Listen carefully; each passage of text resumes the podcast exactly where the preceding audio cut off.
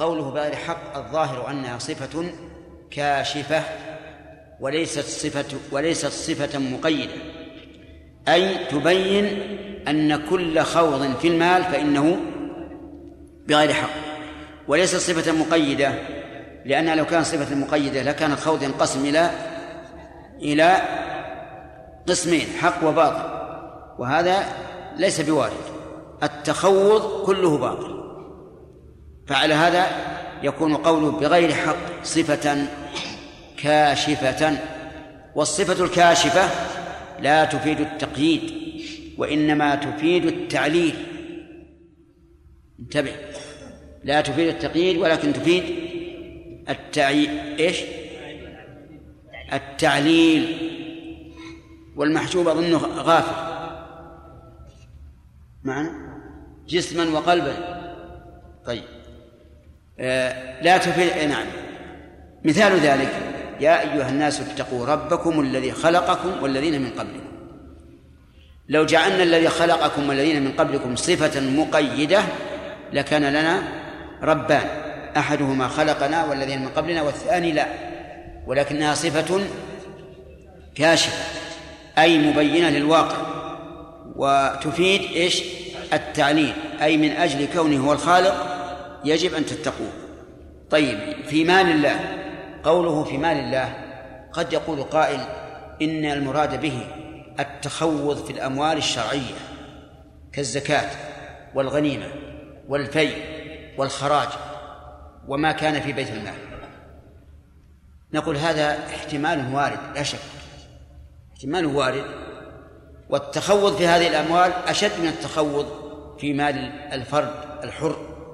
لأن التخوض في مال الفرد الحر يمكن للإنسان أن أن يبرأ منه بطلب المسامحة أو المعاوضة أو ما أشبه ذلك. لكن المشكل أن يتخوض في مال عام كأموال الزكاة والغنيمة والفي وما أشبه ذلك.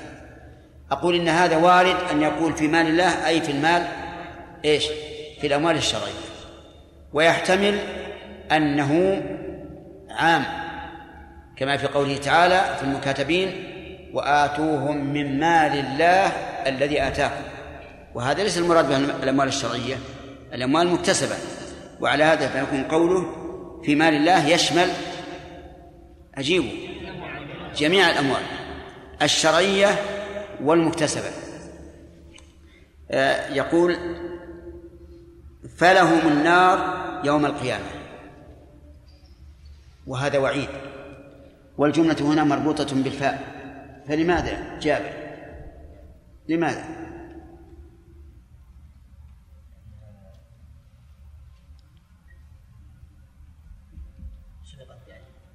سبقت ليش؟ بإيش؟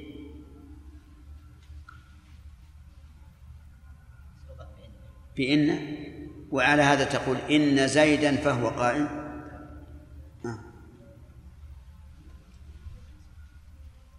طيب. إي نعم لكن لماذا قلت بالفاء؟ وهي خبر إن.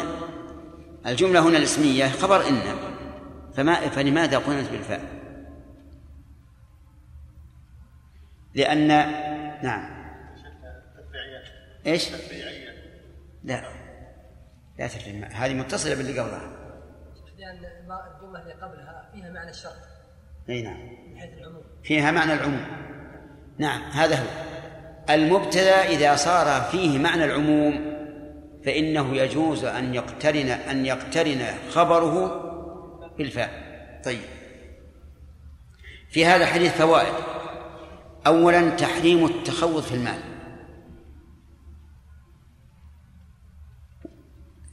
وأن ذلك من الكبائر. وجه الدلالة؟ أنه توعد عليه بالنار. يتفرع من هذه الفائدة أنه يجب على الإنسان حماية ماله من التخوض فيه وهذا بمعنى النهي عن إضاعة المال.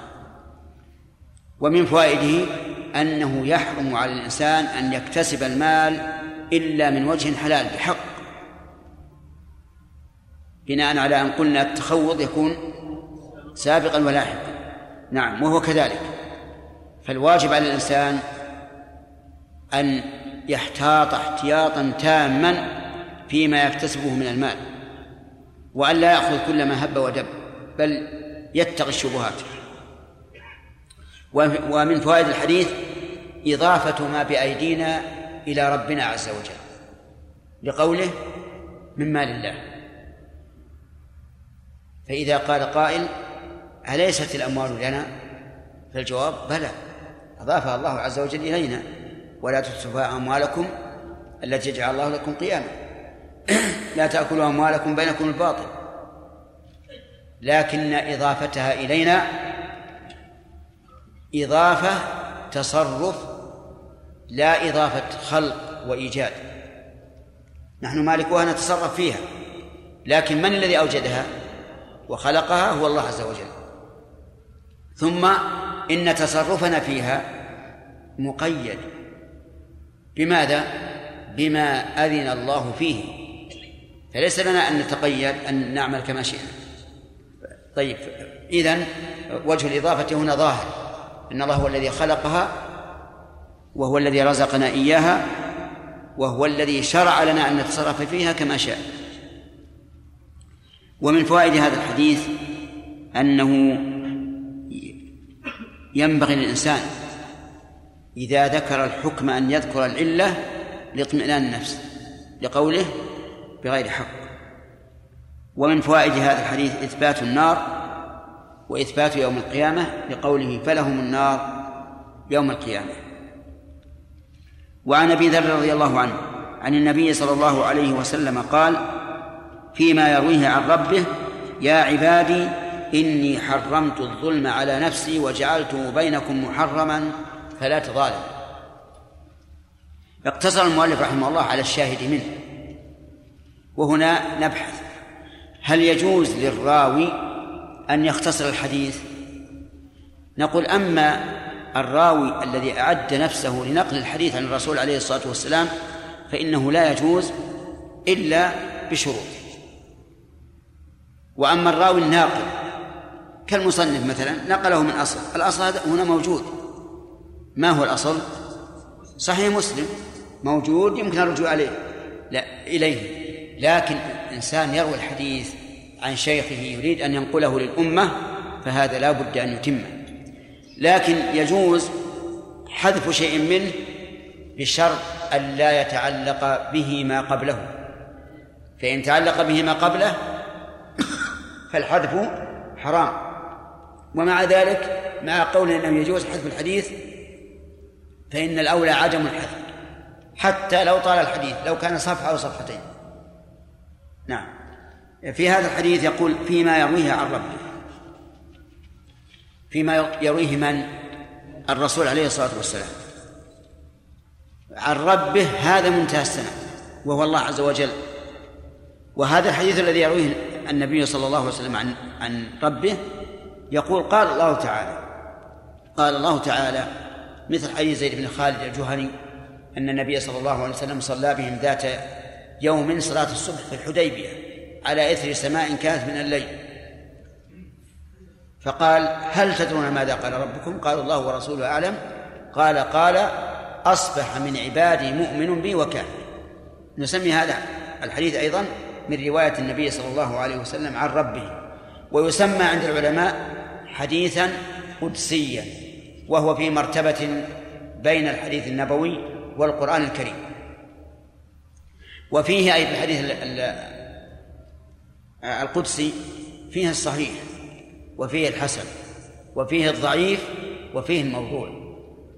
أما القرآن فكله صحيح متواتر ليس فيه كلمة ولا حرف إلا وهو متواتر.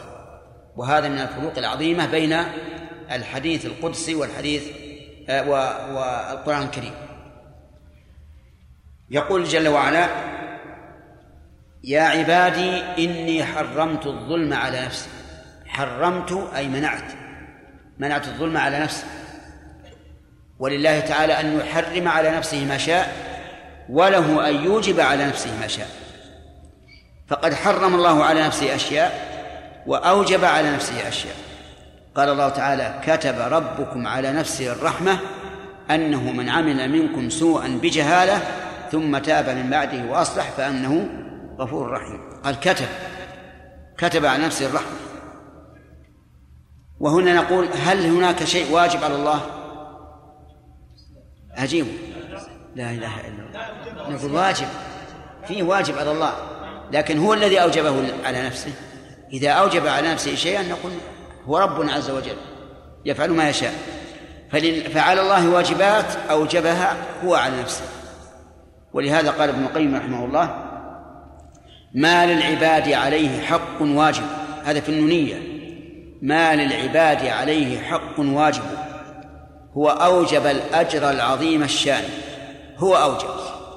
هو أوجب الأجر العظيم الشان كلا ولا عمل لديه ضائع. إن كان بالإخلاص والإحسان. يعني لا يمكن يضيع عند الله عمل إطلاقا بهذين الشرطين. إن كان بالإخلاص والإحسان يعني المتابعة. المهم أن الله يوجب على نفسه ما شاء ويحرم على نفسه ما شاء. ولهذا قال حرمت الظلم على نفسي والظلم يدور على شيئين. إما عدوان وإما نقص حق. إما عدوان وإما نقص حق. فمن سطى على مالك وأخذه فمن أي القسمين؟ العدوان. ومن جحد حقك حقك فإيش؟ فهو من النقص. فهو من النقص. فالرب عز وجل لا يمكن أن ينقص إنسانا حسنة عملها أبدا. ولا يمكن أن يضيف إليه عقوبة سيئة لم يعملها. قال الله تعالى ومن يعمل من الصالحات وهو, وهو مؤمن فلا يخاف ظلما ولا هضما. طيب. وجعلته بينكم محرما. هذا الشاهد. جعلته بينكم أي بين الناس محرما. حتى بين المسلمين والكافرين. كيف؟ لا. لا تتعجلوا بارك الله فيكم حتى بين المؤمن والكافر؟ الظلم حرام؟ طيب ألسنا نقول للكافر إما أن تسلم وإلا قاتلناك أو تبذل الجزية؟ آه. هذا ليس ظلما لأننا نفعل ذلك لحق الله لا لحقنا. أما فيما بيننا وبينه من الحقوق فلا نظلمه ولهذا يجب أن توفي بالبيع بعقد البيع بينك وبينه وبعقد الإجارة بينك وبينه. وبحق الشفعة. إلى هذا الحد على رأي بعض العلماء الذي يقول إن حق الشفعة حق ملك لا مالك. فيقول إنه لو كان شريكك كافرا وبعت نصيبك على مسلم فللكافر أن يأخذه بالشفعة. لأن هذه حق ملك لا مالك. على كل هذه مسألة نتركها جانبا حتى يأتي وقتها إن شاء الله. الشاهد أن الظلم محرم بين العباد جعلته بينكم محرما حتى بين المسلم والكافر. فإذا أورد علينا الكافر قال أنتم ظلمتموني أنا حر في الدين. حرية الأديان. دعوه يكون يهوديا يكون نصرانيا ما عليكم منه. ماذا نقول؟ ها؟ نقول هذا حق لله. لازم علينا وعليك. نحن ما ظلمناك في حقك الخاص إنما عاملناك بما أمرنا الله به وهو ربك وهذا ليس بظلم. فلا تظالموا أكد هذه الجملة قوله وجعلت وجعلت بينكم محرما. أكدها بقوله فلا تظالموا. أي لا يظلم بعضكم بعضا. طيب حتى الأب مع ابنه. حتى الأب مع ابنه. ها جابر كان عنده شك. ها حتى الأب مع ابنه. هذا هو الأصل. يعني فإذا جاء أنت ومالك لأبيك وأخذ أبوك من مالك ما لا ترضى بأخذه فليس هذا بظلم. لأنك أخذته بإيش؟ بأمر الله. فوجب عليه هو أيضا أن يستسلم لأمر الله عز وجل. المهم أن الظلم حرام بين العباد حتى بين الأب وابنه والأم وولدها. في هذا حديث فوائد. منها رواية النبي صلى الله عليه وسلم عن الله. رواية النبي صلى الله عليه وسلم عن الله فيكون النبي صلى الله عليه وسلم بالنسبة للحديث القدسي كرجل من الإسناد بالنسبة للحديث إيش؟ النبوي. طيب. ومن فوائد هذا الحديث إثبات الكلام لله عز وجل أن الله يتكلم. من أين نأخذها يا أخي؟ لا لهذا. أنت. ها. أي أنت. من أين نأخذ من هذا الحديث أن الله يتكلم؟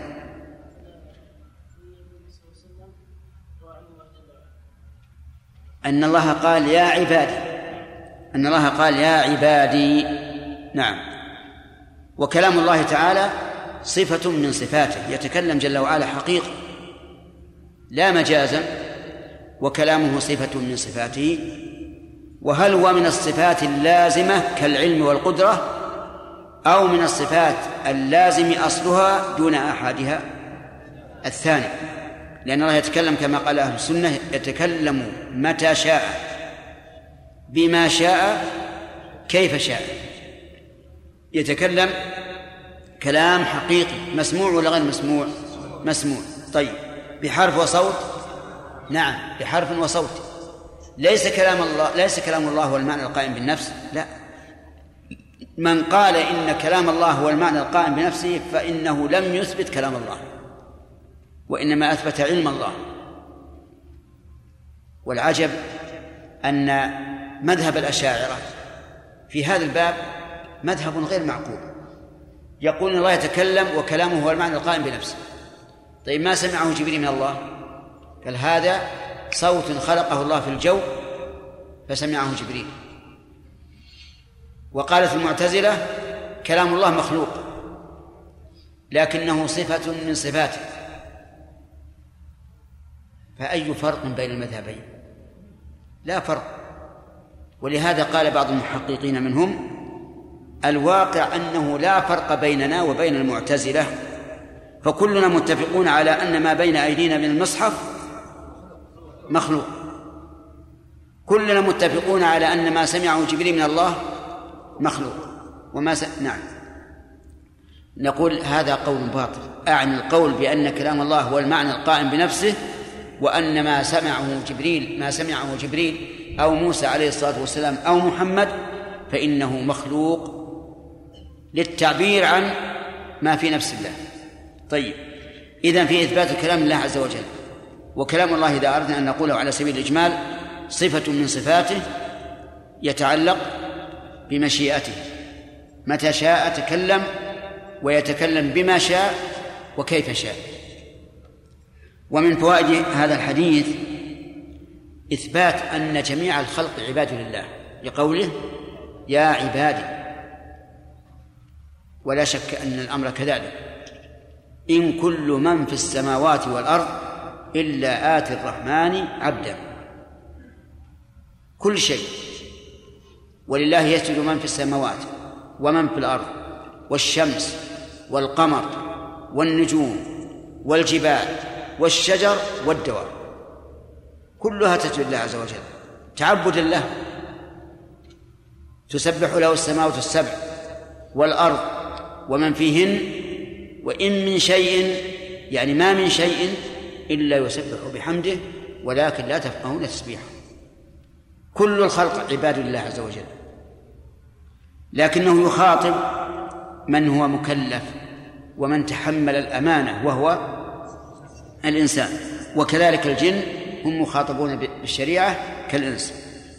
ومن فوائد هذا الحديث أن الظلم في حق الله تعالى ممكن لكنه لكمال عدله حرمه على نفسه. وجهه أنه قال إني حرمت الظلم على نفسي. ولو كان من الأمور المستحيلة لم يتمدح الله به أن حرمه على نفسه. انتبه. وهذه مسألة مهمة يجب أن نعرف الفرق بين هذا وبين ما قالته الجهمية من أن الله سبحانه وتعالى لا يمكن أن يظلم. الظلم عندهم المحال لذاته نحن نقول بإمكان الله تعالى أن يهدر حسنة عملها الإنسان ولا يثيبه عليه. وبإمكانه أن إيش؟ أن يضع عليه وزرا دون أن يعمل سيئا. هذا ممكن. لكن لكمال عدله إيش؟ صار ممتنعا عليه عز وجل. لأنه كامل العدل. أرأيت مثلا ولله المثل الأعلى رجل ملك. ملك يأخذ من أموال الناس ظلما بغير حق. ثم من الله عليه بالتوبة فترك ذلك. يحمد أو لا يحمد؟ يحمد. الرب عز وجل يحمد حيث حرم الظلم على نفسه. ولو كان غير ممكن ما كان هناك حمد وثناء على الله تعالى بذلك. ومن فوائد هذا الحديث أن أن لله تعالى أن أن يحرم على نفسه ما شاء. أما نحن فلا نحرم على الله. لا نحرم على الله. طيب فإن قال قائل أهل أنتم تجوزون الظلم على الله عز وجل؟ أو تمنعونه؟ قلنا نمنعه بمقتضى الرحمة والحكمة. نمنعه. لكن نظرا إلى أننا نمنعه بمقتضى صفاته التي اتصف بها. أما من حيث العموم فإنه لا شك أنه يمكنه أن أن يظلم لكنه حرمه على نفسه لكمال عدله وحكمته ورحمته. ومن فوائد الحديث إثبات النفس لله. إثبات النفس لله عز وجل. وهذا ثابت لله أثبته هو عز وجل لنفسه. فقال تعالى ويحذركم الله نفسه. وكذلك أنبياؤه أثبتت ذلك. فقال عيسى عليه الصلاة والسلام تعلم ما في نفسي ولا أعلم ما في نفسك. وهنا وصف الله نفسه بذلك. قال فقال حرمت الظلم على نفسي. فهل النفس شيء زائد على الذات أو هي الذات؟ الجواب هي الذات. على نفسي أي علي. يحذركم الله نفسه أي يحذركم الله. ذاته. تعلم ما في نفسي أي ما في ذاتي. ولا أعلم ما في نفسي. وليس هو صفة زائدة على الذات. بل هو بمعنى الذات تماما. وهذا هو مقتضى اللغة العربية ولا يمنعه شرع ولا إجماع من السلف. ومن فائدة هذا الحديث تحريم التظالم التظالم بين الناس. بقوله وجعلته بينكم محرما. طيب. ومن فوائد هذا الحديث تحريم ظلم الكفار. لأنهم داخلون في عباد الله بالعبادة الكونية. فظلمهم حرام. أفهمتم؟ طيب. إذا قال قائل ومن اعتدى عليك فاعتديت عليه. أتكون ظالما؟ آه نقول هو ظالم بعدوانه. أما أنت فلست بظالم إذا لم تعتدي. ولهذا قال النبي عليه الصلاة والسلام المستبان ما قال فعلى البادئ منهما أي على البادئ منهما إثمه ما لم يعتدل المظلوم. ما لم يعتدل المظلوم. فإن اعتدى صار عدوانه على على نفسه. وعن أبي هريرة جاوبت السؤال.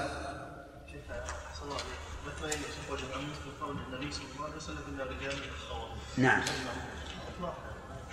اي هو أطلاق صحيح. الصيغه صيغه اطلاق لكن تشبه العموم من حيث إنها لم تعين شخصا معين ولهذا جاءت الفاء في خبرها. إيش؟ يحتمل الابهام فهو قريب من العموم. نعم. اي نعم.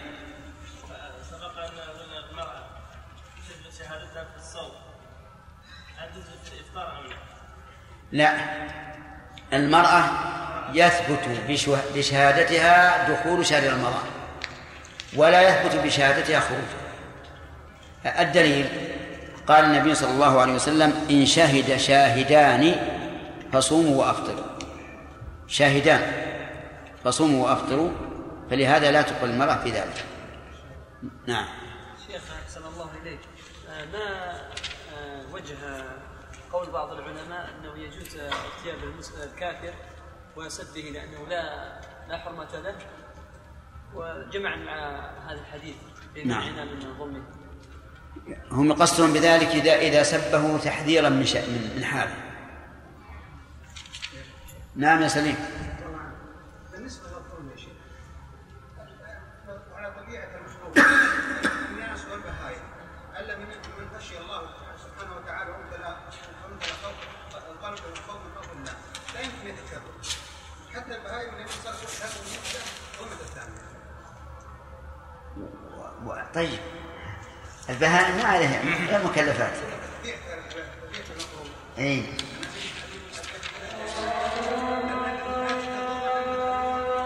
إنه كان ظلوما. هلا نجي.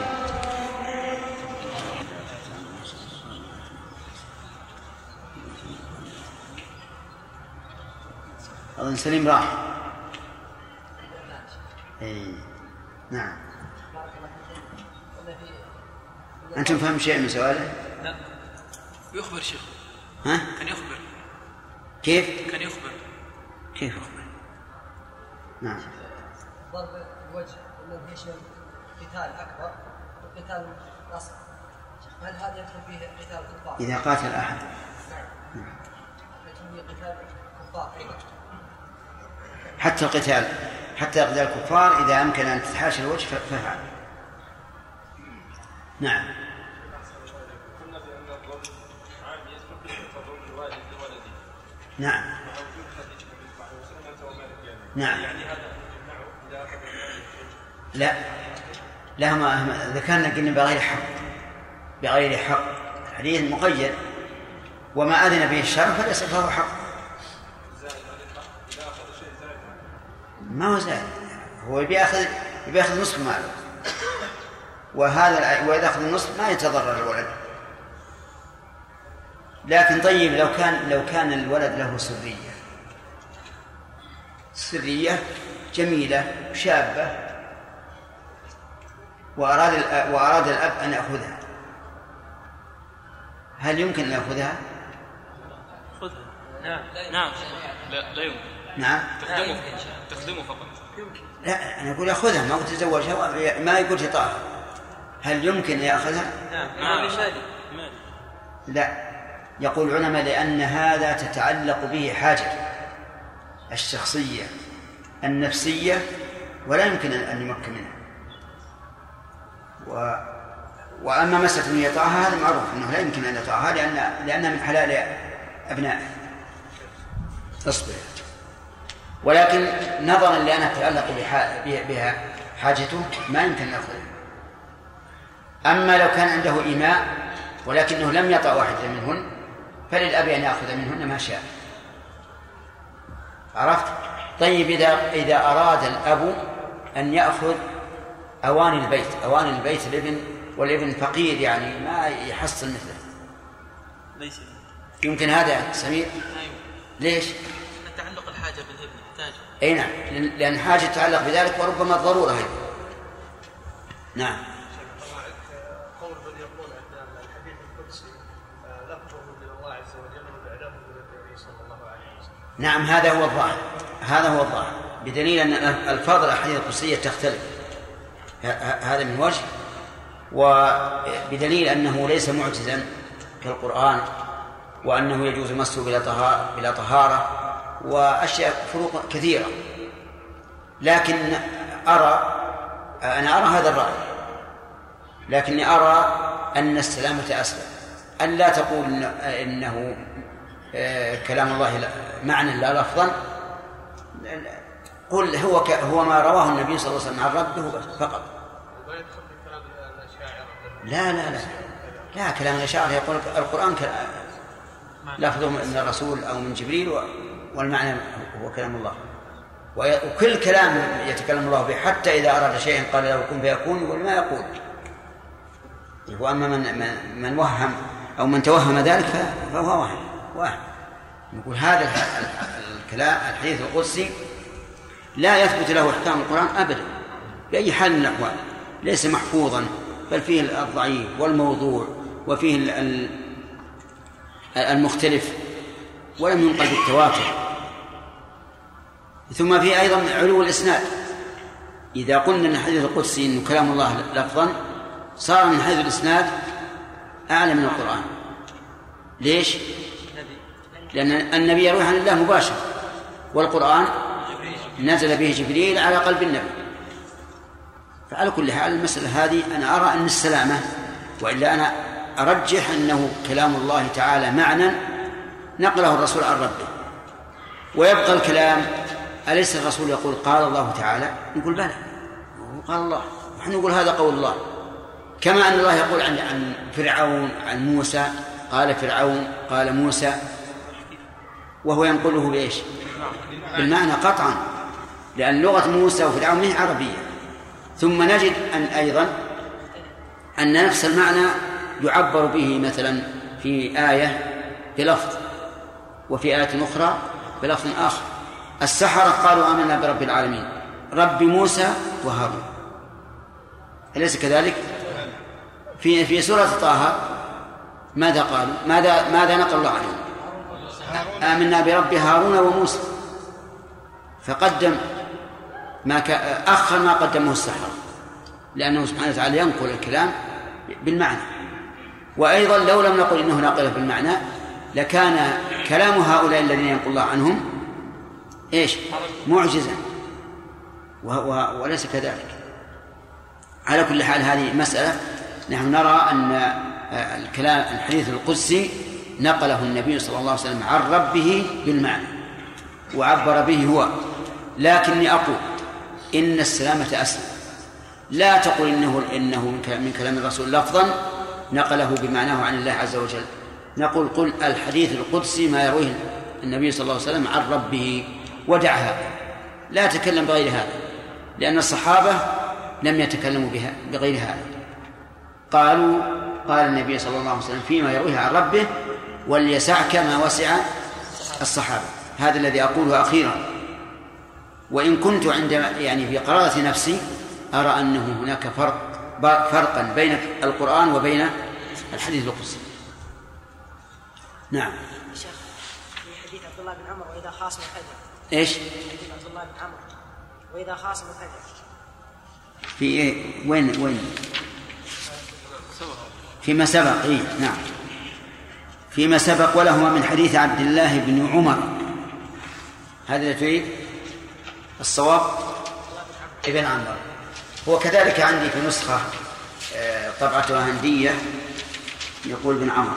أجل صح ها؟ ابن عم؟ زين اللي عند ابن عمر. نعم. طيب.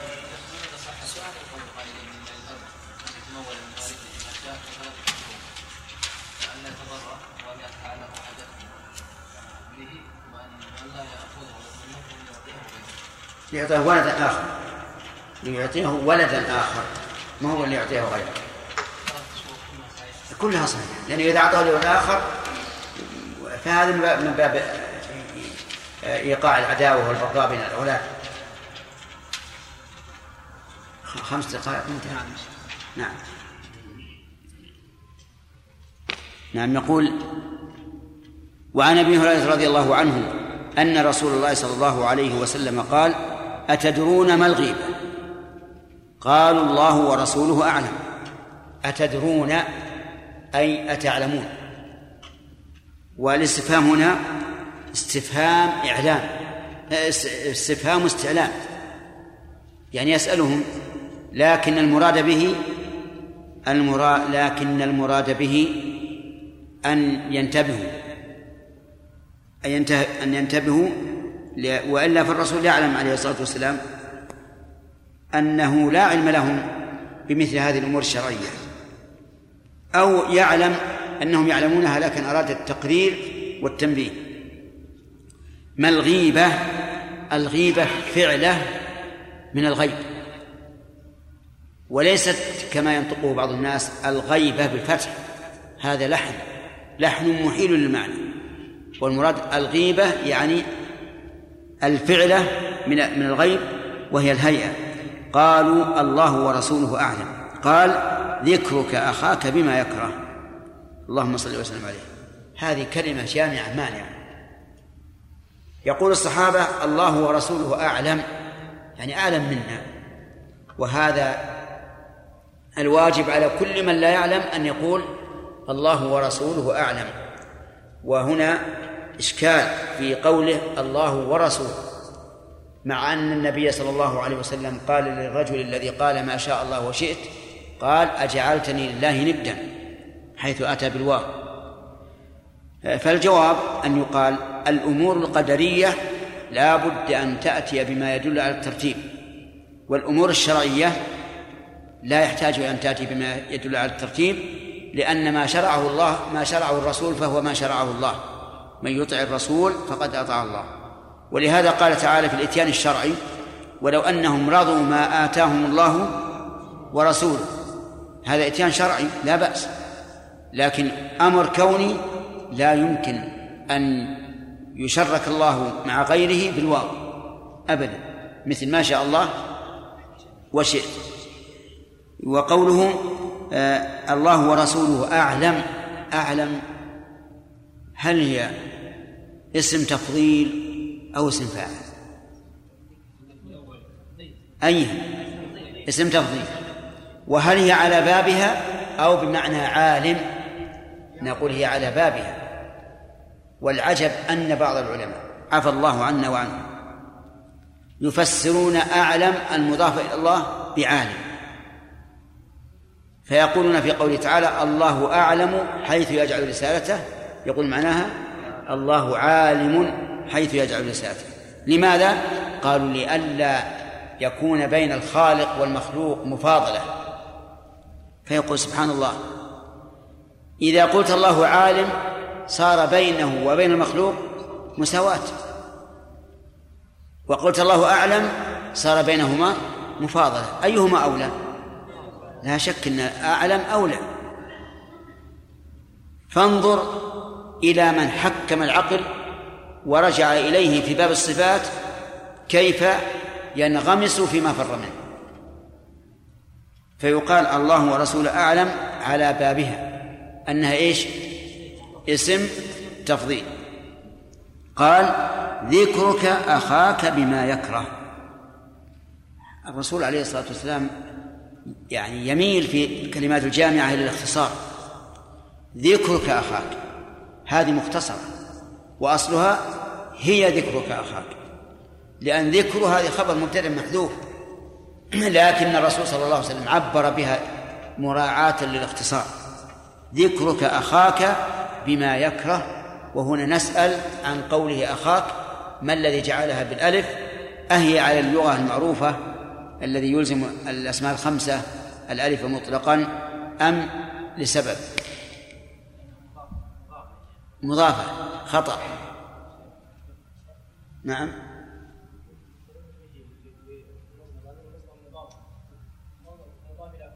أي. إذن أخاك مفعول به. لأي شيء؟ للمصدر ذكر. فالمصدر هنا مضاف للفاعل. وأخاك مفعول به. ويدلك لهذا أنك لو قلت هي أن تذكر أخاك. تنصبها ولا ما تنصبها؟ نعم. طيب. آه تقول ضربك زيدا تأديب له. ضربك زيدا تأديب له. زيد وش اللي نصبها؟ ضرب المصدر المضاف للفاعل. والدليل أنك تقول أن تضرب زيدا تأجب له. طيب. ذكرك أخاك وهو المسلم بما يكره بما أي بالذي يكرهه. يكرهه من خلقة أو خلق أو عمل. من خلقة أو خلق أو عمل. خلقة مثل أن تقول هو قصير هو ضخم هو بطين وما أشبه ذلك. مما يكره أن يوصف به. طيب. أو خلق. خلق بأن تقول هذا الرجل سيء الأخلاق. غضوب عصبي انفعالي. هذا يكرهه إيش؟ من ناحية التخلق به. أو عمل بأن تقول فلان فاسق. فاسق. يتعامل بالربا ويترك صلاة الجماعة وما أشبه ذلك. فهي إذن ذكرك أخاك بما يكره كلمة عامة بما يكره من خلقة أو خلق أو عمل. طيب فقيل له قيل أفرأيت؟ إن كان في أخي ما أقول. أفرأيت إن كان في أخي ما أقول؟ يعني أن أني وصفت بما هو متصل به؟ قال إن كان فيه ما تقول فقد اغتبته. وإن لم يكن فيه ما تقول فقد بهته. يعني بهته واغتبته ولا بهتان بدون غيبة؟ نعم بهذا وهذا. يعني إن كان فيه ما تقول فهذا غيبة. وإن لم يكن فيه ما تقول فهو بهتان وغيبة. بهتان وغيبة. مثال ذلك رجل قال فلان عصبي يغضب لكل شيء وهو غير حاضر. هذا غيبة. وهو حاضر هذا إيش؟ سب. وهو بريء من من ذلك. هذه بهتان. نعم. بهتان وغيبة إذا كان في غيبته فإن قيل هل جرى من الرسول عليه الصلاة والسلام مثل هذا التعبير أن يذكر الأهم ويحذف ما دونه؟ قلنا نعم. وذلك فيما صح عنه أنه قال ليت أنا نرى إخواننا. قالوا يا رسول الله ألسنا إخوانك؟ قال أنتم أصحابي وإخواني قوم آمنوا بي ولم يروني آمنت بالله ورسوله. فقال أنتم أصحابي. هل معناه ولستم إخواني؟ المعنى أن صحبتكم أخص من الأخوة لأن الصحابي من اجتمع بالرسول صلى الله عليه وسلم إيش؟ مؤمنا به. فكأنه قال أنتم أصحابي وإخواني أيضا لكن لكن الذين آمنوا بي ولم يروني هم إخوان وليسوا بأصحاب. هنا فقد بهته لأن البهت أعظم من من الغيبة. فيكون المعنى فقد اغتب فقد بهته مع إيش؟ مع الغيبة. طيب أخرجه مسلم. فإذا قال قائل هل الغيبة؟ أو نذكر في الفوائد. نعم. من فوائد هذا الحديث أولا حسن تعليم الرسول عليه الصلاة والسلام حيث يلقي المسائل الخبرية بصيغة الاستفهام من أجل استرعاء الانتباه. يؤخذ من قوله الأخ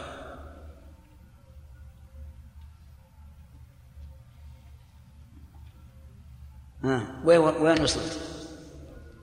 لا وين سرحت علم بالحقيقة يا أخي بارك الله فيك كعب بن مالك أخبر بالصدق فيما هو أعظم من من هذا أين ذهبت؟ إيش مسألة؟ طيب سعد. من قوله أتدرون. وهذا من حسن التعليم أن يلقي الإنسان الكلام على وجه يسترعي الانتباه. ومن فوائد هذا الحديث حسن أدب الصحابة رضي الله عنهم حيث قالوا إيش؟ الله ورسوله أعلم. وهذا واجب على كل من لا يعلم أن يقول الله ورسوله أعلم. يجب وجوبا. لأنه لو اقتحم وأجاب بشيء لا يعلمه صار من القائلين على الله ما لا يعلم. ولهذا قال بعض العلماء من العلم أن يقول الإنسان لا أعلم فيما لا يعلم. طيب. ومن فوائد الحديث جواز التشريك بالواو بين الله ورسوله فيما كان من من أمور الشرع بخلاف القدر. لأن الربوبية لا يملكها الإنسان في الواقع. ولذلك كان الناس باعتبار عبودية الربوبية كانوا كلهم سواء. الكافر والمؤمن باعتبار إيش؟ عبودية الربوبية التي نسميها العبودية الكونية. طيب أما الشرع فلا. فإن قال قائل هل تعدون ذلك إلى أن يقول الناس الله هو العالم الفلاني أعلم. في أمور شرعية. نعم. لا. ليش؟ لأن هذا العالم ليس مشرعا. الرسول عليه الصلاة والسلام مشرع. ويقول على ويقول عن الله. والعالم ليس بمعصوم. ولهذا لا يجوز إلى سائلك سائل عن مسألة دينية أن تقول الله والشيخ أعلم. ما يجوز. ليش؟ يا جماعة لأن الشيخ غير مشرع. الشيخ غير مشرع بخلاف الرسول صلى الله عليه وسلم. طيب فإن قال قائل وهل نقول مثل هذه العبارة بعد موت الرسول؟ ما دام الأمر شرعي فالله ورسوله ولو كان ميتا صلى الله عليه وسلم أعلم منا بلا شك. وإن كنا الآن لا يمكن أن نعرف ما عند الرسول لكن هو أعلم منا بشريعة الله بلا شك. ومن فوائد هذا الحديث مراعاة الاختصار في الكلام. العقيل يبين منين؟ حيث حذف المبتدا اختصارا لأن الاختصار أقرب إلى الحفظ. والجمل المختصرة تأتيك جمل مختصرة لكن تشمل معاني كثيرة. يكون لها رونق في النفس وبقاء في النفس أيضا. ومن فوائد هذا الحديث الاستعطاف يعني استعمال الاستعطاف في الكلام. لقوله أخاك لأنك إذا شعرت بأنه أخاك فلن فلن تغتابه فهذه من الأساليب الاستعطافية. انظر إلى قوله إلى قوله تبارك وتعالى والنجم إذا هوى ما ضل. إيش؟ صاحبكم الذي تعرفونه وكان الواجب أن تدافعوا عنه. وقال تعالى وما صاحبكم بمجنون. فهذه من الأساليب التي تستعطف المخاطب حتى يستقيم. ومن فوائد هذا الحديث جواز غيبة الكافر. لقول ذكرك أخاك.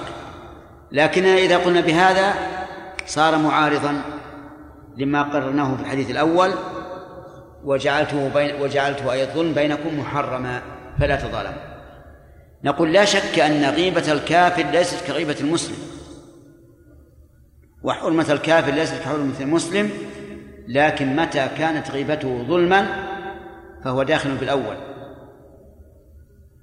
ووجه ذلك أن دلالة الحديث الأول بالمنطوق ودلالة هذا بالمفهوم.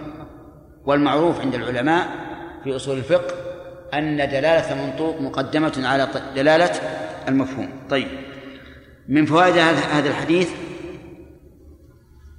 أن الغيبة أن تذكر أخاك بما يكره ولو كان غيره لا يكرهها. إذا كان هذا الرجل بالذات يكره هذا الوصف الذي تصفه به وغيره لا يبالي. نعم. فهذا هل نعتبر العرف العام أو الخاص؟ عجيب يا جماعة. الخاص. ما دام الرسول عليه الصلاة والسلام قد ذكرك أخاك بما يكره. نعم. بعض الناس يزعل إذا قيل والله شايب. كبير السن. أمداك تشيب أمداك يزعل. لكن هو في الحقيقة شايب وهذا الواقع. وليش يزعل؟ ما دام يزعل لا تقول. بعض الناس يقول العجوز. يصف بها الرجل. أليس هكذا موجود؟ يقول العجوز أبوي عجوز. أنا أقول أبوي عجوز تناقض هذا. قل أمي عجوز. ولا قل أبوي شيخ وأبونا شيخ كبير قالت يا ولت ألد وأنا وأنا عجوز. إيش اللي جاب العجوز للرجال الآن؟ لكن إذا كان يكره أن تقول إنها عجوز تقول له عجوز؟ ما تقول عجوز. حتى لو كان الناس متعارف متع- متعارفين بينهم بإطلاق العجوز على الشيخ وهو يكره لا لا لا, لا تغتاب بهذا. طيب. ذكرك أخاك بما يكره. إن قال قائل نجد في علماء الحديث من يسمى الأعرج والأعمش والأحول وما أشبه ذلك. وهذه يكرهونها أو لا؟ نعم. أي نقول الجواب عن هذا أن هذا من باب التعريف الذي لا تمكن معرفته معرفة المذكور إلا به. فإذا كان من باب التعريف الذي لا يمكن معرفة الم- المذكور إلا به صار هذه المصلحة راجحة على مفسدة الغيبة على أن الذي يقول ذلك لا يقصد عيبه وإنما يقصد إيش؟ التعريف به. والنية لها أثر في هذا. ومن فوائد هذا الحديث آه، سعة صدر النبي صلى الله عليه وسلم للمناقشة. آه، من أين تؤخذ؟ الصحابة لما قال ذكر أخاك بما يكره أوردوا عليه. قالوا أفرأيت إن كان في أخي ما أقول؟ وهذا من خلق النبي عليه الصلاة والسلام. أنه يتحمل يتحمل المناقشة لأن المناقشة في الحقيقة تزول بها إشكالات كثيرة. نعم. لكن إذا علمت أن المناقش متعند فهل تستمر معه؟ تبدأ معه كما يقولون من جرف العدانة لا. إذا عرفت أنه متعنت فامنعه. امنعه. لأن الله قال للرسول عليه الصلاة والسلام في الذين يستفتونه من أهل الكتاب متعنتين قال إن جاءوك فاحكم بينهم أو أعرض عنهم. طيب ومن فوائد هذا الحديث أن الغيبة محرمة ولو كان الإنسان ولو كان في المغتاب وأريد اسم المفعول ما يذكره المغتاب وأريد اسم الفاعل. كلام واضح؟ ليش؟ لأن كلمة المغتاب تصلح لهذا وهذا فلا بد من أن تبين مثل المختار. إيش؟ تصلح لهذا وهذا. كيف نقدر المغتاب إذا كانت اسم فاعل اسم فاعل؟ نقول المغتيب. صح؟ صحيح؟ صحيح. والمختار إذا كانت اسم فاعل المختير. ونقول في المغتاب إذا كان اسم مفعول المغتيب. وفي المختار المختير. هذا هو الأصل. لكن اللغة العربية تأبى عليك هذا. تقول إذا تحركت الياء وانفتح ما بعد ما قبلها إيش اعمل؟ فاقلبها ألفا. إذا تحركت الياء وانفتح ما قبلها فاقلبها ألفا المختير قل إيش؟ المختار. المختير قل المختار. طيب. أقول إذا كان في المغتاب اسم مفعول ما قاله المغتاب اسم فاعل فهل تكون غيبة؟ نعم تكون غيبة. طيب. وإذا لم يكن فيه ما ما يقوله فمن فوائد الحديث أن هذا يجمع بين الغيبة والبهتان. ومن فوائد الحديث أن أوصاف الذم إذا تعددت فإن الإنسان يعاقب عليها جميعها ولا تتداخل. لقوله فقد بهته ولو تداخلت لاكتفي بعقوبة ذنب واحد. طيب. ومن فوائد الحديث التعبير بالأخص وطي وطي ذكر الأعم. لقوله فقد بهته وذكر وطوي ذكر الأعم وهو الغيبة لكن للعلم به. لأنه ليس من المعقول أنك إذا ذكرت شخصا بما يكرهه وهو موجود فيه أن يكون غيبة وإذا ذكرته وهو غير موجود فيه لا يكون غيبة. هذا غير معقول. فإن قال قائل ما تقولون في الغيبة؟ أكبيرة هي أم من الصغائر؟ قلنا استمع إلى قول ابن عبد القوي رحمه الله. قال وقد قيل صغرى غيبة ونميمة. قد قيل صغرى غيبة ونميمة وكلتاهما كبرى على نص أحمد. أعيد البيت مرة ثانية. وقد قيل صغرى غيبة ونميمة وكلتاهما كبرى على نص أحمد. وأعيدها الثالثة.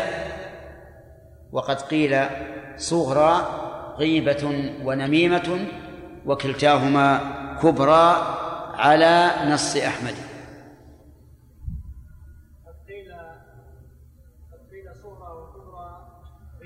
لا لا. نعم. طيب. نشوف هو؟ كيف راح كذا؟ أنا كذا ها. ونميمته لا لا تراجع كتاب جزاك الله خير. نعم. أحسن. بارك الله فيك. والصواب أن الغيبة من كبائر الذنوب وأن النميمة من كبائر الذنوب. أما النميمة فجاء فيها الحديث لا يدخل الجنة قتات أي نمام. وأما الغيبة فيدل على أنها من كبائر الذنوب أن الله تعالى قال في كتابه ولا يغتب بعضكم بعضا أيحب أحدكم أن يأكل لحم أخيه ميتا فكرهتموه واتقوا الله إن الله تواب رحيم. هل أحد من الناس يقدم له أخوه ميتا ليأكله؟ هل يمكن أن يأكله؟ لا لا يمكن. وهذا يدل على أن أن هذا من أقبح الأعمال. حتى قال بعض العلماء إن إن معنى الآية أن هذا الذي اغتيب يقدم ميتا يوم القيامة ويجبر والعياذ بالله هذا الذي اغتابه على أن يأكله. نسأل الله العافية. تعذيبا له كما يكلف الذي يكذب في الرؤيا أن يعقد بين شعيرتين. كل إنسان يقول رأيت كذا وكذا وهو كاذب فيوم القيامة يعطى شعيرتين يقال اعقد بينهما. هل يمكن العقد بينهما؟ لا يمكن والله أعلم. عرفت؟ نقرأ الآن ما اتفقنا عليه وهو حديث نعمان بن بشير أظن يقع الرابع السادس. ها؟ 193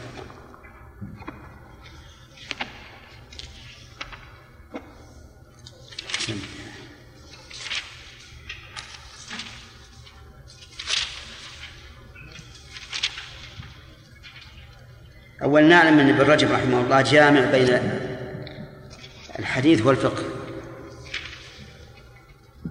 وأنه من أحفاد شيخ الإسلام ابن تيمية في العلم لأنه تلميذ تلميذ ابن تيمية رحمه الله فإن شيخه ابن القيم وابن القيم شيخ شيخ الإسلام رحمه الله. نعم. نقرأ نبدأ بسم الله. نقرأ نبدأ بسم الله.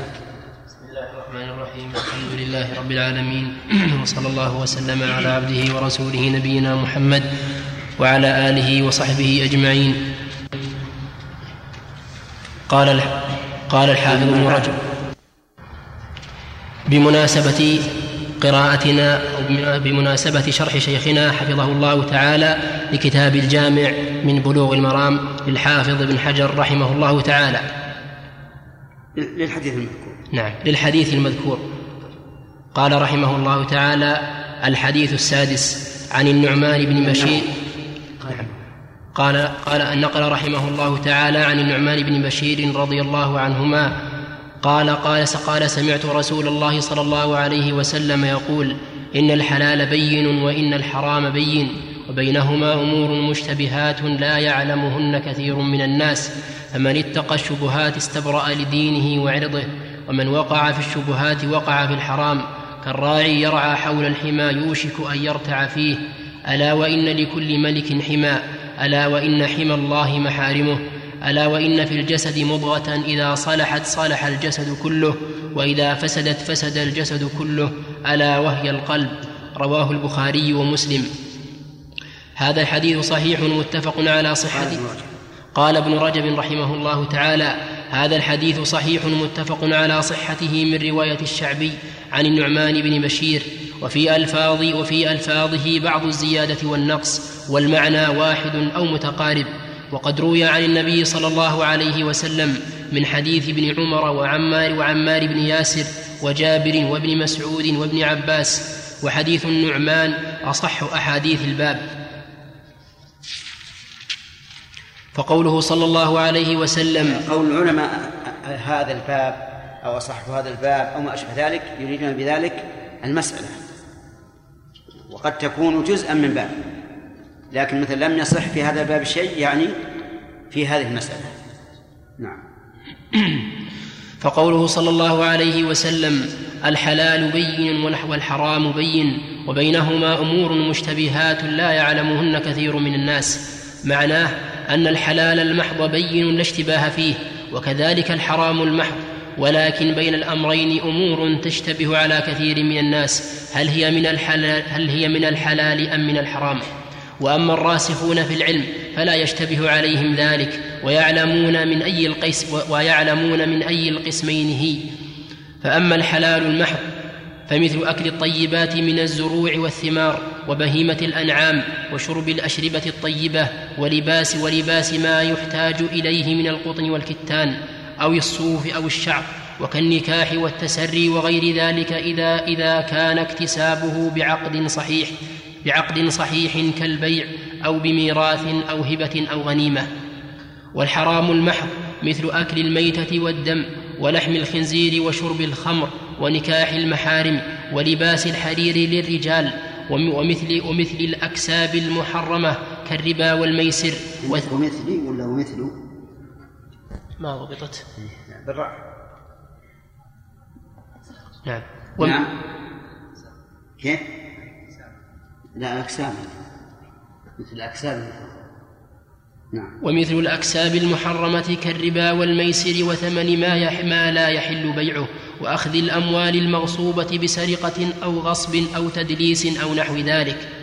وأما المشتبه فمثل أكل بعض ما اختلف في حله أو تحريمه إما من الأعيان كالخيل والبغال والحمير والضب وشرب والضب وشرب ما اختلف وشرب ما اختلف في تحريمه من الأنبذة التي يسكر كثيرها ولبس ما اختلف فيه ولبس ما اختلف فيه إباء الخيل والبغال والحمير والضب.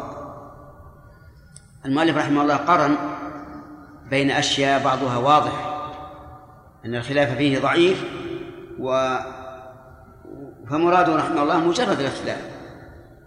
الخيل الخلاف في حلها أو تحريمها ضعيف والصواب أنها حلال.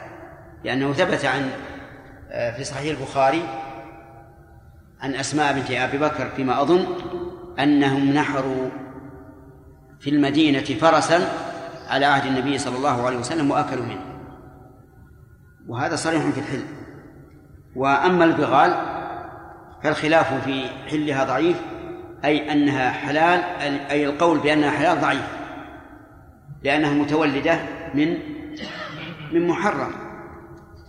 فإن البغل ولد الحمار من الفرس. وأما الحمير فال- فالخلاف في حلها أضعف لأن القول في حلها شاذ. فإنه فإن النبي صلى الله عليه وسلم أعلن أنه حرمها.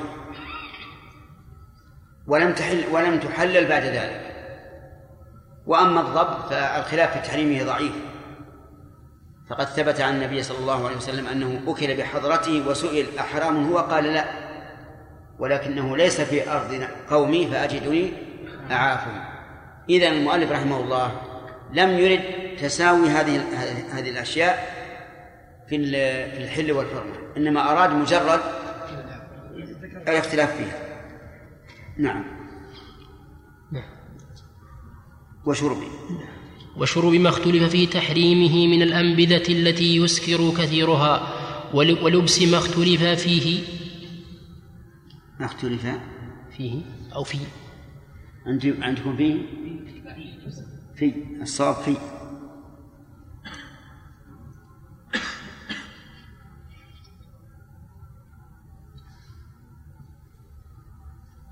نعم. ولبس ما اختلف في إباحة لبسه من جلود السباع ونحوها وإما من المكاسب المختلف فيها كمسائل العينة والتورق ونحو ذلك. وبنحو هذا المعنى فسر فسر المشتبهات مسائل العينة هي لي- ليست مسألة واحدة. حدها بعضهم بأنها كل ما يتوصل به إلى الربا عن طريق الحيلة. وعلى هذا مسألة التورق من العينة وقد نص على ذلك الإمام- أحمد رحمه الله. مسألة العينة المسألة المشهورة أن يبيع شيئا بثمن مؤجل ويشتريه بأقل منه نقدا. هذه مسألة العينة. مثاله باع عليه سيارة بخمسين ألفا إلى سنة ثم اشتراها منه بأربعين ألفا نقدا وأخذ السيارة وأعطاه أربعين ألفا. حقيقة الأمر أنه أعطاه أربعين ألفا بإيش؟ بخمسين ألفا إلى سنة. ولهذا قال ابن عباس في هذه المسألة إنها دراهم بدراهم دخلت بينهما حريرة. مسألة التورق أن يبيع عليه سلعة بثمن مؤجل أكثر من ثمنها نقدا. وقصد المشتري الدراهم ليس قصده السلعة. هذه مسألة التورق. وسميت بذلك لأن الإنسان احتاج فيها إلى الورق وليس عنده ورق فاحتال على على التوصل إلى الورق بهذه الحيلة. وهي عند شيخ الإسلام رحمه الله محرمة مقطوع بتحريمها عنده. حتى نقل عنه تلميذ ابن القيم في أعلى الموقعين أنه كان يسأل فيها مرارا فيأبى إلا أن تكون حراما وهي الآن شائعة بين الناس بكثرة. وأما إذا اشترى إذا اشتراها بثمن أكثر لقصد عين السيارة ما هو لقصد قيمتها لكن بكدة مثلا فهذا لا بأس به بالإجماع. وكذلك لو اشتراها يريد بها التكسب. مثل أن اشتراها مثلا بخمسين ألفا مؤجلة إلى سنة يريد أن يبيعها ببلد آخر بخمسين ألف نقدا. ما هو علشان ليس علشان الدراهم لكن علشان التجارة. هذا أيضا لا بأس به. نعم. وبنحو هذا المعنى فسر طيب المشتبه و- وهل من ذلك أن يقول أبيعها عليك بعشرة نقدا أو بعشرين نسيئة؟ لا هذه جائزة ولا إشكال فيها. لأنه إذا قال خذها نقدا بعشرة أو بعشرين نسيئة فسوف يأخذ بأحد بأحد الثمنين. فليس ذلك من باب بيعتين في بيعة كما توهمه بعض العلماء. نعم. وبنحو هذا المعنى فسر المشتبهات أحمد وإسحاق وغيرهما من الأئمة. وحاصل الأمر أن الله تعالى أنزل على نبيه صار المشتبه قاعدته ما اختلف العلماء فيه. هذا تفسير الإمام أحمد رحمه الله. فما كان بينا في حله أو تحريمه فالأمر واضح. وما اشتبه فيه وما اختلف فيه العلماء فهو من المشتبه. لكن أنتم تعلمون كما سمعتم أن الخلاف قد يكون ضعيفا فيكون الاشتباه ضعيفا وقد يكون قويا فيكون الاشتباه قويا. نعم. وحاصل الأمر أن الله تعالى أنزل على نبيه الكتاب وبين فيه للأمة ما يحتاج إليه من حلال وحرام كما قال تعالى ونزلنا عليك الكتاب تبيانا لكل شيء. قال مجاهد وغيره. هذا هو الاستدلال الصحيح أن القرآن ما ترك شيئا إلا بينه. ونزلنا عليك الكتاب تبيانا لكل شيء. تبيانا إما أن تكون مفعولا لأجله وعاملها نزلنا وإما أن تكون مصدرا في موضع الحال من الكتاب أي مبينا. وأيا كان فهذا هو الاستدلال على أن القرآن فيه كل بيان كل شيء. أما ما يستدل به كثير من الناس وهو قوله تعالى ما فرطنا في الكتاب من شيء فهذا خطأ. وتنزيل الآية على غير ما أراد الله. قال الله تعالى وما من دابة في الأرض ولا طائر يطير بجناحيه إلا أمم أمثالكم ما فرطنا في الكتاب من شيء ثم إلى ربهم يحشرون. والمراد بالكتاب هنا اللوح المحفوظ. وليس الكتاب العزيز. نعم. قال مجاهد وغيره لكل شيء أمروا به أو نهوا عنه. وقال تعالى في آخر سورة النساء وعلى هذا فيكون من باب العام الذي أريد به الخاص. على رأي من؟ جهل مجاهد وغيره. والصواب أنها من العام الذي هو على عمومه لكن بيان القرآن إما أن يكون بالشيء عينه وإما أن يكون بجنسه وإما أن يكون بقاعدة عامة يدخل فيها ما ما لا يحصى من المسائل وإما أن يكون بالإشارة والدلالة. عرفتم؟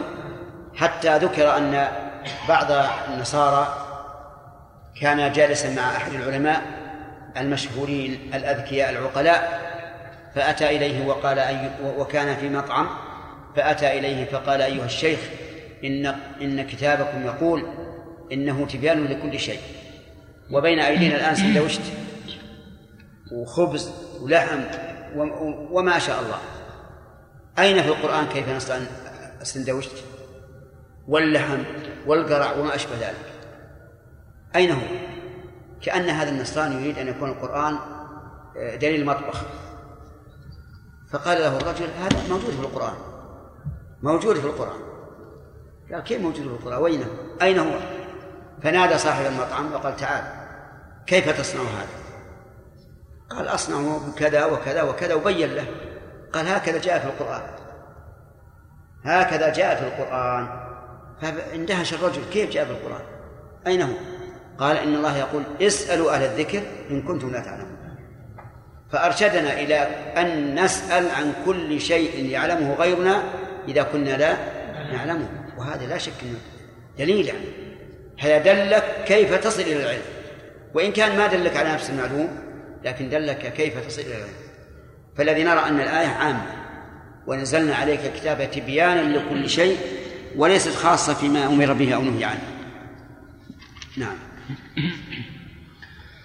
وقال تعالى في آخر سورة النساء التي بين الله فيها كثيرا من أحكام الأموال والأبضاع يبين الله لكم أن تضلوا والله بكل شيء عليم. وقال تعالى انتبهوا النساء كما قال المؤلف بين الله فيها كثيرا من أحكام الأموال والأبضاع. فيها آية آية التحريم والتحليل لما يحل من الأبضاع. حرمت عليكم أمهاتكم وبناتكم إلى آخره. والأموال حدث ولا حرج. أموال الأحياء وأموال الأموات وأموال العقلاء وأموال السفهاء كلها موجودة في في في النساء. وهذا من فقه التفسير الذي لا يعلمه كثير من الناس. كثير من الناس يفسر السور مثلا وماشي في التفسير. لا يعرف مغزى السورة ومجمعها وما الذي جمع فيها. وهذا فقه عظيم في التفسير ينبغي الإنسان أن لا يهمله نعم. وقال تعالى وما لكم ألا تأكلوا مما ذكر اسم الله عليه وقد فصل لكم ما حرم عليكم إلا ما اضطررتم إليه. وقال تعالى وما كان الله ليضل قوما بعد إذ هداهم حتى يبين لهم ما يتقون. نعم. ووكل بيان ما أشكل ووكل بيان ما ووكل بيان ما أشكل من التنزيل إلى إلى الرسول صلى الله عليه وسلم كما قال تعالى وأنزلنا إليك الذكر لتبين للناس ما نزل إليهم وما قبض صلى الله عليه وسلم حتى أكمل له ولأمته الدين. ولهذا أنزل ولهذا أنزل عليه بعرفة قبل موته بمدة يسيرة. اليوم أكملت لكم دينكم وأتممت عليكم نعمتي ورضيت لكم الإسلام دينا. وقال صلى الله عليه وسلم تركتكم على بيضاء نقية ليلها كنهارها لا يزيغ عنها إلا هالك. وقال أبو ذر توفي رسول الله صلى الله عليه وسلم وما طائر يحرك جناحيه في السماء إلا وقد ذكر لنا منه علما. شيخ ما طائر يحرك جناحيه أو يقلب جناحيه في السماء إلا ذكر لنا منه علما. هل هو حلال؟ هل هو حرام؟ هذا هو الذي يهمنا من الطيور. أما نوعه ما يهمنا. اللي يهمنا هل هو حلال أو حرام. ماذا قال لنا؟ قال هو الذي خلق لكم ما في الأرض جميعا. وقال صلى الله عليه وسلم ونهى صلى الله عليه وسلم عن كل ذي مخلب من الطير ونهى عن قتل النملة والنحلة والهدهد والصورة فأنت تجد أن الحلال بين والحرام بين. نعم.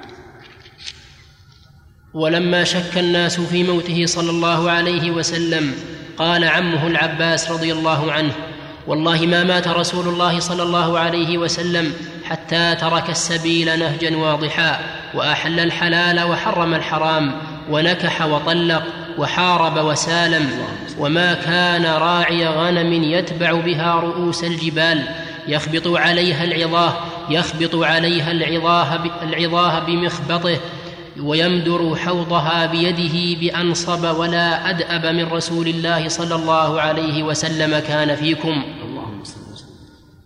صدق رضي الله عنه. وفي الجملة فما ترك الله ورسوله حلالا إلا مبينا ولا حراما إلا مبينا لكن لكن بعضه كان أظهر بيانا من بعض. فما ظهر بيانه واشتهر وعلم من الدين بالضرورة وعلم من الدين بالضرورة من ذلك لم يبق فيه شك ولا يعذر أحد بجهله في بلد يظهر فيه الإسلام. وما كان بيانه دون ذلك فمنه ما اشتهر بين حملة الشريعة خاصة فأجمع العلماء على حله أو حرمته وقد يخفى على بعض ما وقد يخفى على بعض من ليس منهم ومنه ما لم يشتهر بين حملة الشريعة أيضا فاختلفوا في تحليله وتحريمه وذلك لأسباب. منها الآن بين رحمه الله أن منها ما علم بالضرورة من دين الإسلام. فهذا لا يعذر أحد بجهله. لا بد أن يكون آه، عالما به في بلد يظهر فيه أحكام الإسلام. والثاني ما اشتهر بين حملة الشرع ولكنه يخفى على غيرهم إلا أنه واضح عندهم وهذا أيضا مما أجمعوا عليه. والثالث ما كان خفيا على بعض حملة الشرع وهو الذي وقع فيه الخلاف. فصارت أحوال الأحوال كم؟ الأحوال ثلاثة بينها رحمه الله. نعم. وذلك لأسباب منها أنه قد يكون النص عليه خفيا لم ينقله إلا قليل من الناس فلم يبلغ جميع حملة العلم. ومنها وهذا نقص في إيش؟ في العلم. هذا نقص في العلم. يعني الذي يخفى عليه هذا معناه أن علمه قاصر. لم يحط علما بنصوص الشريعة. نعم. ومنها أنه قد ينقل فيه نصان أحدهما بالتحليل والآخر بالتحريم فيبلغ طائفة أحد النصين دون فيبلغ طائفة أحد النصين دون الآخرين فيتمسكون بما بلغهم أو يبلغ النصان معا من لم يبلغه التاريخ فيقف لعدم معرفته بالناسخ.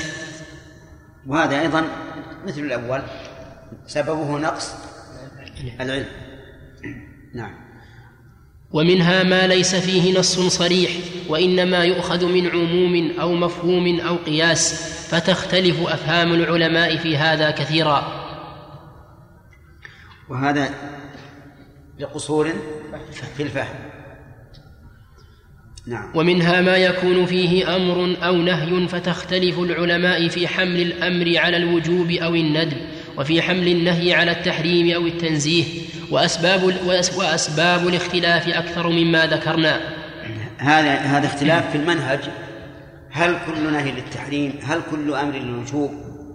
اختلف فيه العلماء أي نعم. والاسباب كثيرة أكثر مما ذكر. ومع هذا وقد ذكر شيخ الإسلام رحمه الله في كتابه رفع الملام عن الأئمة الأعلام ذكر أسبابا كثيرة لاختلاف العلماء رحمهم الله. ولخصناه في رساله فمن راجع الأصل والملخص يكون طيبا. نعم. ومع هذا فلا بد في الأمة من عالم يوافق قوله الحق فيكون هو العالم بهذا الحكم. فيكون. في فيكون هو العالم بهذا الحكم. فيكون. فيكون هو العالم بهذا الحكم. عالما فيكون هو العالم بهذا الحكم وغيره يكون الأمر مشتبها عليه ولا يكون عالما بهذا. فإن هذه الأمة لا, لا تجتمع على ضلالة ولا يظهر أهل باطلها على أهل حقها. فلا يكون الحق مهجورا غير معمول به في جميع الأمص في جميع الأمصار والأعصار. ولهذا قال صلى الله عليه وسلم في المشتبهات لا يعلمهن كثير من الناس فدل على أن من الناس ما فدل على أن من الناس من يعلمها وإنما هي مشتبهة على من لم يعلمها وليست مشتبهة في نفس الأمر فهذا هو السبب المقتضي لاشتباه بعض الأشياء على كثير من العلماء. وقد يقع الاشتباه في الحلال والحرام بالنسبة إلى العلماء وغيرهم من وجه آخر. الشيخ في هذه القطعة أنه لا يمكن أن يكون الحق مشتبها على جميع الأمة.